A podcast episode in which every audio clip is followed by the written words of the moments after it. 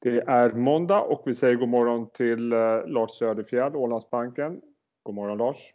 God morgon Jesper.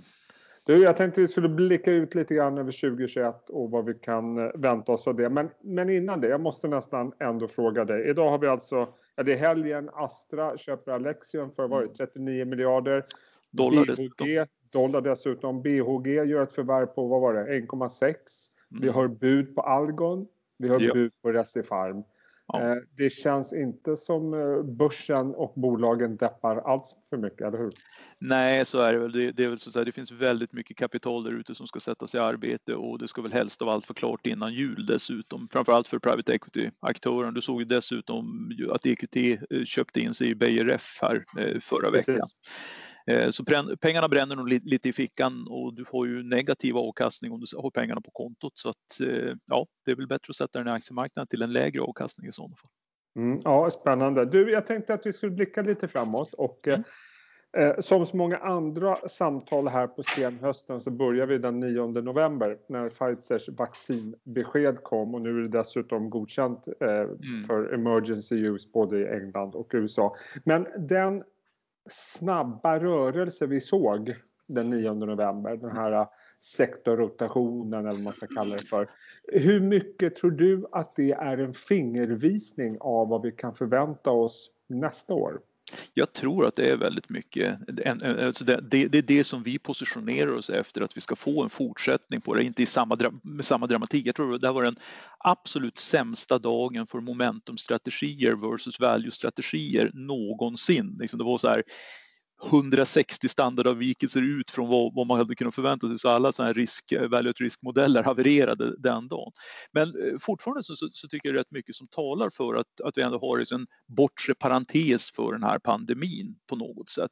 Och i och med det så kan man säga att ja, men då borde vi liksom ha bättre tillväxt i världen. Allt annat hade ju eh, varit en kata, fullständig katastrof om vi har något som är sämre än 5% tillväxt eller 5, 5 nedgång, nedgång som vi vill ha, ha i år.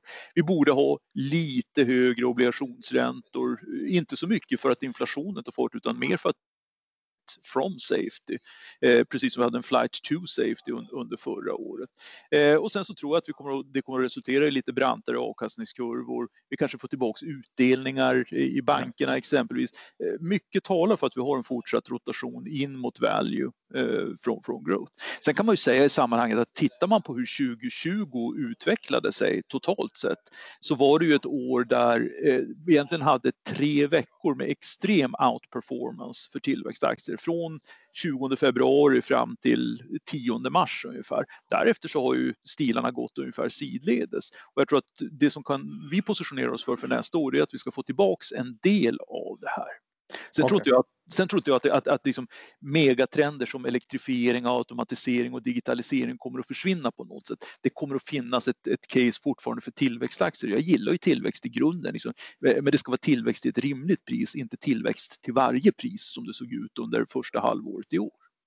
Jag, jag, tänker lite grann så här, när, när jag pratar med förvaltare här under senhösten så tror jag i stort sett alla är positiva till 20 2021 och man hänvisar till fortsatt låga räntor, man hänvisar till stigande bolagsvinster och framförallt då ett eh, vaccin och att eh, vi kan börja leva som vanligt igen. Men, men det enda som, som jag undrar då, varför skulle 2021 bli rationellt om inte 2020 var rationellt där vi har liksom en uppgång på 10-15% på börserna samtidigt som vinsterna har rasat och vi har haft en mm. pandemi. För, förstår du lite grann vad jag är ute efter? Varför ska ja. det bli liksom följa ett normalt mönster? Nej absolut, liksom. och det, det, är väl också det man har fått lära sig av det här året att man får vara ganska ödmjuk inför liksom, och gnugga kristallkulan och titta ut nästa år. Men, men jag, jag tycker i grunden, tittar du på, på liksom, vil, vad för förväntad avkastning på olika tillgångslag så är det väldigt svårt att säga att man inte ska ha aktier jätteenkelt att säga, jag drar, drar ett streck som är inflationsförväntningar de kommande tre åren. Den ligger på 1,2 procent ungefär nu för, för eurozonen. Då. Jag, jag kör en nordisk portfölj så det blir väldigt mycket att jag har eurozonen som, som, som bas för det hela. Eh, Går jag sen och börjar kolla på olika tillgångslag, tre månaders statsskuldväxlar minus en halv procent, femåriga statsobligationer minus en halv procent, tioåriga statsobligationer, jag kan skrämma upp dem till noll men det är ju kapitalförstöring i reala termer. Trippel A-ratade företagsobligationer, idag ett europeiskt index på lägre nivåer än eh, statsobligationsräntorna, alltså lägre avkastning där. Eh, du får betala för nöjet att ta kreditrisk och även om kreditrisken är låg så stämmer det ju inte riktigt. Och det som hände under november var ju dessutom att trippel B-ratade eh, företagsobligationer kommer ner på 0,6-0,7 i förväntad avkastning, eh, det vill säga en halv procent under inflationen. Så att ska du ha någon form av förväntad positiv real avkastning då måste du ta på dig kreditrisk eller företagsrisk, antingen i form av high yield-obligationer eller i form av aktier. Och priset man får betala det är ju liksom dålig nattsömn, volatilitet eh, framöver. Vi får ju liksom ett par körningar på 5 till 10 procent per år. Men jag har svårt att säga att ändå, eh, så länge jag känner att det finns hyggligt stöd i värderingen, en hygglig riskpremie att plocka upp i aktiemarknaden, eh, så har jag svårt att bli negativ på, på aktier. Men som du säger, det är lite grann konsensussynen också just nu. Ja. om man, om man, men, men jag tolkar ändå som att hyggligt positivt till börsen men du räknar med att vi kommer se andra draglok eh, i takt med att vi går mer mot värdehållet? Ja, absolut. Ja, men jag, jag, jag, tror att man, man, kommer, kommer att få se mer av den traditionella industrin, cyklisk industri, basindustri, eh, möjligen banker också, fast det hänger väldigt mycket tror jag på, på liksom utdelningsbeslut och annat eh, framöver. Eh, att de, de, kan ta igen då en, en, del av det och det är inte svårt i många av de här bolagen att se ytterligare 20-25 procent från, från dagens nivåer. Eh, det räcker ganska bra liksom, med tanke på hur Stockholmsbörsen ser ut eller de nordiska marknaderna ser ut för att få till en, en årsavkastning på 10-15 procent kanske för, för 2021. Finns det inte en risk att vi under slutet av 2021-2022 förutsatt att eh, vi får de här vinstökningarna som marknaden räknar med, att vi får en konjunktur som stiger tillbaka till normala nivåer, att vi ser centralbanker som stöd och kanske till och med, kanske inte omedelbart, men, men ändå börjar blicka på räntehöjningar. Och i så fall kommer börsen överleva det, eller klara det kanske jag ska säga. Mm, frågan är jätterelevant ty, ty, tycker jag också. Jag, jag, tror att 2021 är alldeles för tidigt och det, där tycker jag både ECB och Fed och egentligen de som räknas i det här sammanhanget har varit väldigt tydliga sin, sin framåtblickande guidance. Sagt att det, det kommer inte på tal. Eh, Fed gjorde ju en rätt intressant manöver i höstas när de ändrade sitt inflationsmål så att de ska ha ett bakåtblickande genomsnittlig inflation över 2% för att höja räntorna. De så att det är, vi är så skitdåliga jättedåliga på att försöka förutspå vad inflationen ska bli, så vi tittar bakåt istället. Och det kommer att leda till att eh, även om inflationen tar fart så måste de släppa upp den till kanske 3% någonstans där kring innan de börjar höja räntorna. Så det, det, är egentligen en bra, rätt bra miljö för realtillgångar som till exempel aktier då, eh, om, om, inflationen tar fart och, och Fed inte gör någonting eh, åt det. Men, men så att säga, eh, den dag som man verkligen börjar prata om, om tapering eh, och det har vi ju erfarenhet från, från tidigare år här när man, man försökte då dra tillbaks likviditetsstöden innan pandemin. Man var ju en, en bit på väg att det skapar ju nervositet i marknaden. Eh, och jag tror liksom, nu är det så att vi har levt så många år med stöd av olika slag, både finans och penningpolitiskt nu, eh, framförallt penningpolitiskt, men sista året här med, med eh, finanspolitiska stöd, att det kommer att bli lite traumatiskt tror jag, för marknaden när man väl drar. Men jag tror inte det kommer att hända under, under 2021. Det tror jag är för tidigt. Vad kan man säga om 2021, kanske framförallt början av 2021? Vi har ju fått en eh, kraftig dollarförsvagning här mm. och eh, det är klart att det här kommer påverka svenska exportbolag. Min fråga är, kommer marknaden bry sig om det här med tanke på, jag misstänker att all fokus kommer i princip vara på eh, vaccinet och hur det rullas ut. Mm. Jag tror, tror, så här att så länge du ser bra volymtillväxt i, i framförallt i, i tillverkningsföretagen eller exportföretagen som är frågan om, eh, så spelar valutan inte så stor roll. Eh, volymer slår alltid valutor, det är ett gammalt djungelordspråk som jag, jag brukar använda mig av. Men, men eh, det är också så liksom att är det någonting som är väldigt lätt att läsa av i realtid så är det just valutorna. Liksom. Det är inte det som kommer att överraska när man kommer fram till Q4-rapporterna. Sen tror jag mycket väl att när eh, analytikerna sätter sig och uppdaterar sina prognoser inför Q4 och inför 2021, vilket de gör snart och ska lägga ut sina kvartalsestimat och så vidare, då kommer man att få nerrevideringar drivet av valutan, Men jag tror inte det kommer som eh, någon överraskning för, för investerarna. Det där ser man komma.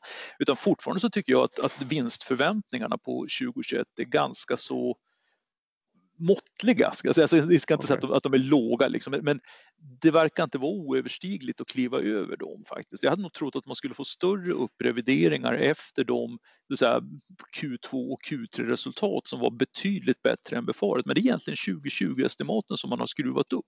2021 har fått ligga kvar ganska oförändrade. Jag tycker att många bolag, ta exempelvis Volvo eller som, som ett exempel, har ju visat att de här har ju en betydligt lägre break-even nivå än vad man tidigare trodde. Ser man nu dessutom addera volymer, visst en del kostnader kommer tillbaks, du kanske börjar resa lite mer, du kanske gör, gör lite sådana grejer. Men eh, det är rätt tydligt liksom att de har lite mer operationell hävstång än vad man, man trodde tidigare på uppsidan. Eh, och där, det är väl ett, ett exempel liksom på, på bolag som jag, aktier som jag tror fortfarande har potential kvar, trots att de handlas på all time high. Ska jag tolka det som att, eh, för att en del av diskussionen det är ju att den här uppgången vi har sett senaste tiden är liksom att nej, men nu har vi prisat in att det här kommer övergå till en bättre konjunktur att vaccinet mm. kommer ta bort corona. Det låter nästan om, inte estimaten för höga, då, då kanske det inte är inprisat helt och hållet. Att det, det finns en eh, rejäl uppsida, eller? Alltså det, det, det, det är ju en balansgång som jag ser Å ena sidan så är multiplarna ganska höga i marknaden just nu. Du handlar Stockholmsbörsen på P17 ungefär och det är liksom två enheter, två, två och en halv enhet över vad, som, eh, vad de historiska snitten har varit. Och samtidigt så ser du en vinsttillväxt på 25 procent. Så att man, man, kan ju liksom säga att de här kommer ju delvis att balansera varann under nästa år. Jag tror vinsterna är en sak, du står om ett, om, om ett år liksom förmodligen 20-25 procent högre resultatmässigt än vad du är idag. Men du kanske har vinstmultiplar som är 10-15 procentenheter lägre liksom än, än, än vad, vad de är idag. Eh, så att det nettar väl ner till liksom en förväntad avkastning på 10% plus där, där kring. Eh, för, för, för 2021. Och det är lite grann det, det som jag sa, om jag tar en sån här enkel eh, så här räkneövning och säger att ja, 17 det är liksom en earnings yield på ungefär 6% Lägg på då liksom eh, en förväntad långsiktig tillväxt i vinsterna på 2,5% mellan 2 och 3% brukar vi hugga till med. Och då landar du liksom någonstans 8,5% förväntad långsiktig avkastning. Eh, och sen så har du obligationsräntor på noll i, i praktiken. En riskpremie på 8,5% det är ganska bra betalt. Och du kan göra mm. liknande kalkyler kalkyler för den amerikanska marknaden, för den europeiska marknaden. Alla landar liksom i att du har fortfarande en ganska bra riskpremie på aktiemarknaden. Eh, men multiplarna ska nog ner lite grann från de här nivåerna. Rimligen ska de det när, när liksom vinsterna börjar gå upp mot mer normaliserade nivåer. Så att eh, är det där den stora risken är tycker du då? Om inte vinsterna riktigt ja. når upp till att det blir en fördröjning det tar längre tid än väntat att vaccinera folk. Är det, skulle du säga, den största risken när vi går in i 2021? Ja, det, det, det, det, tror, jag, tror jag är den största risken. Om det sen är kopplat till, till just covidan eh, eh, eller inte, det är svårt att säga. Men, mm. men liksom, ja, risken blir att man inte liksom får, får ut de, de effekter på vinstsidan som, som ja. man räknar med idag. Eh, och det skulle kunna också vara sådana saker som att när man väl öppnar upp igen så får man tillbaks en större del av kostnaderna som man liksom skär, skurit ner nu under det här senaste året. Det, det man kallar för temporära besparingar. Ja. Men att det är en, en förhållandevis liten del av det som blir, som blir blir strukturellt. Och där ty tycker jag nog att, att det, jag, jag är nog mer optimistisk. Jag tror att en del beteenden kommer att förändras.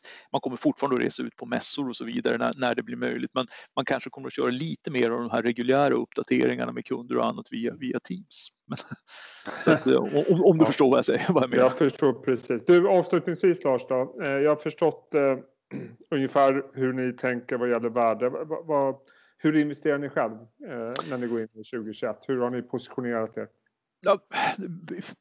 Många olika, för, för det första liksom, om vi börjar med våra allokeringsprodukter, vi är tydligt överviktade aktier eh, och underviktade eh, räntebärande. Och det är ju så här, vi har ju förtvivlat svårt att sätta kundpengar i någonting som har garanterat negativ avkastning. Liksom det, det går liksom inte. Eh, jag måste ha en otroligt stark tro på att marknaden ska ner för att eh, ens sätta pengar liksom på, på konto i det, i det korta perspektivet. Då, jag har liksom idag minus 0,25 till minus 0,5 beroende på hur bra jag är för hand, på och förhandla med mitt treasury i det, i det läget. Så att eh, det, det, är liksom, det blir en övervikt i aktier.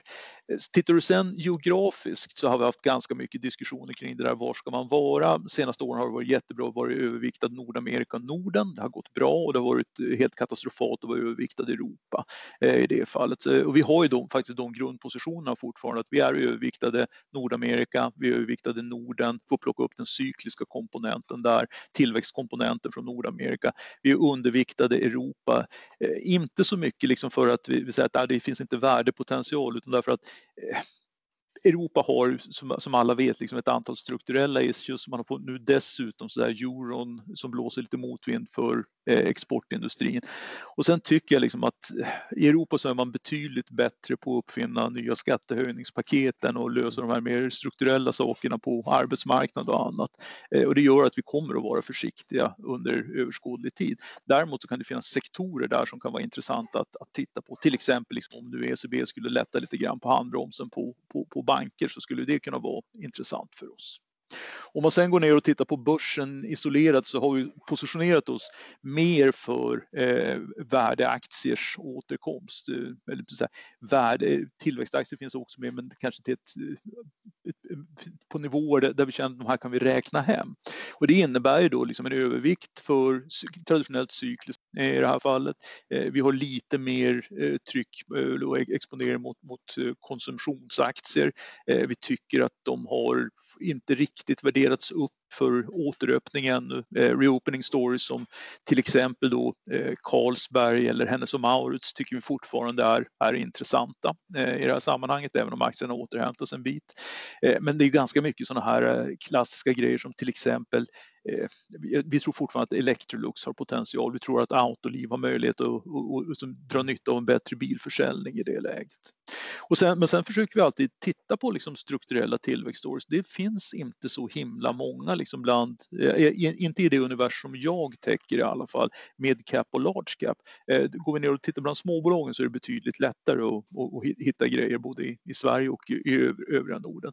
Så att jag har egentligen så säga, bara, Hexagon bland det som jag betraktar som strukturell tillväxt i portföljen idag. Sen har jag lite Novo Nordisk och lite Vestas och, och så vidare, men det är kanske av andra skäl som, som de mm. ligger där.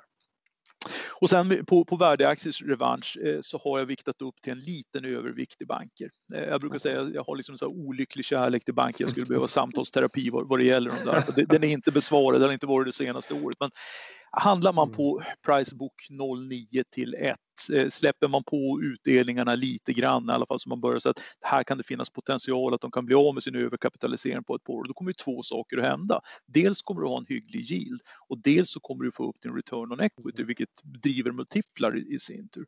Så det är inte svårt att se Nordea eller SEB handla 20-25 procent högre från de här nivåerna under 2021. Eh, och i och med att jag tror på en börsuppgång på lite drygt 10 procent så ja, då ska jag ju rent logiskt vara överviktad i, i de här. Så där har du egentligen no, några av huvuddragen i alla fall och hur, hur vi är positionerade. Jag tror det är många som har en olycklig kärlek med bankerna Lars. Ja, det är Du, eh, vi får se vad som... Det blir väldigt spännande. Det var kul att se dig igen. Det var ett tag så jag hoppas vi får ses på riktigt snart. Att, det hoppas jag också. Lägga det här bakom oss. Eh, ha en riktigt bra vecka och en riktigt fin jul. Detsamma till dig. Vi hörs igen. Hej. Hej.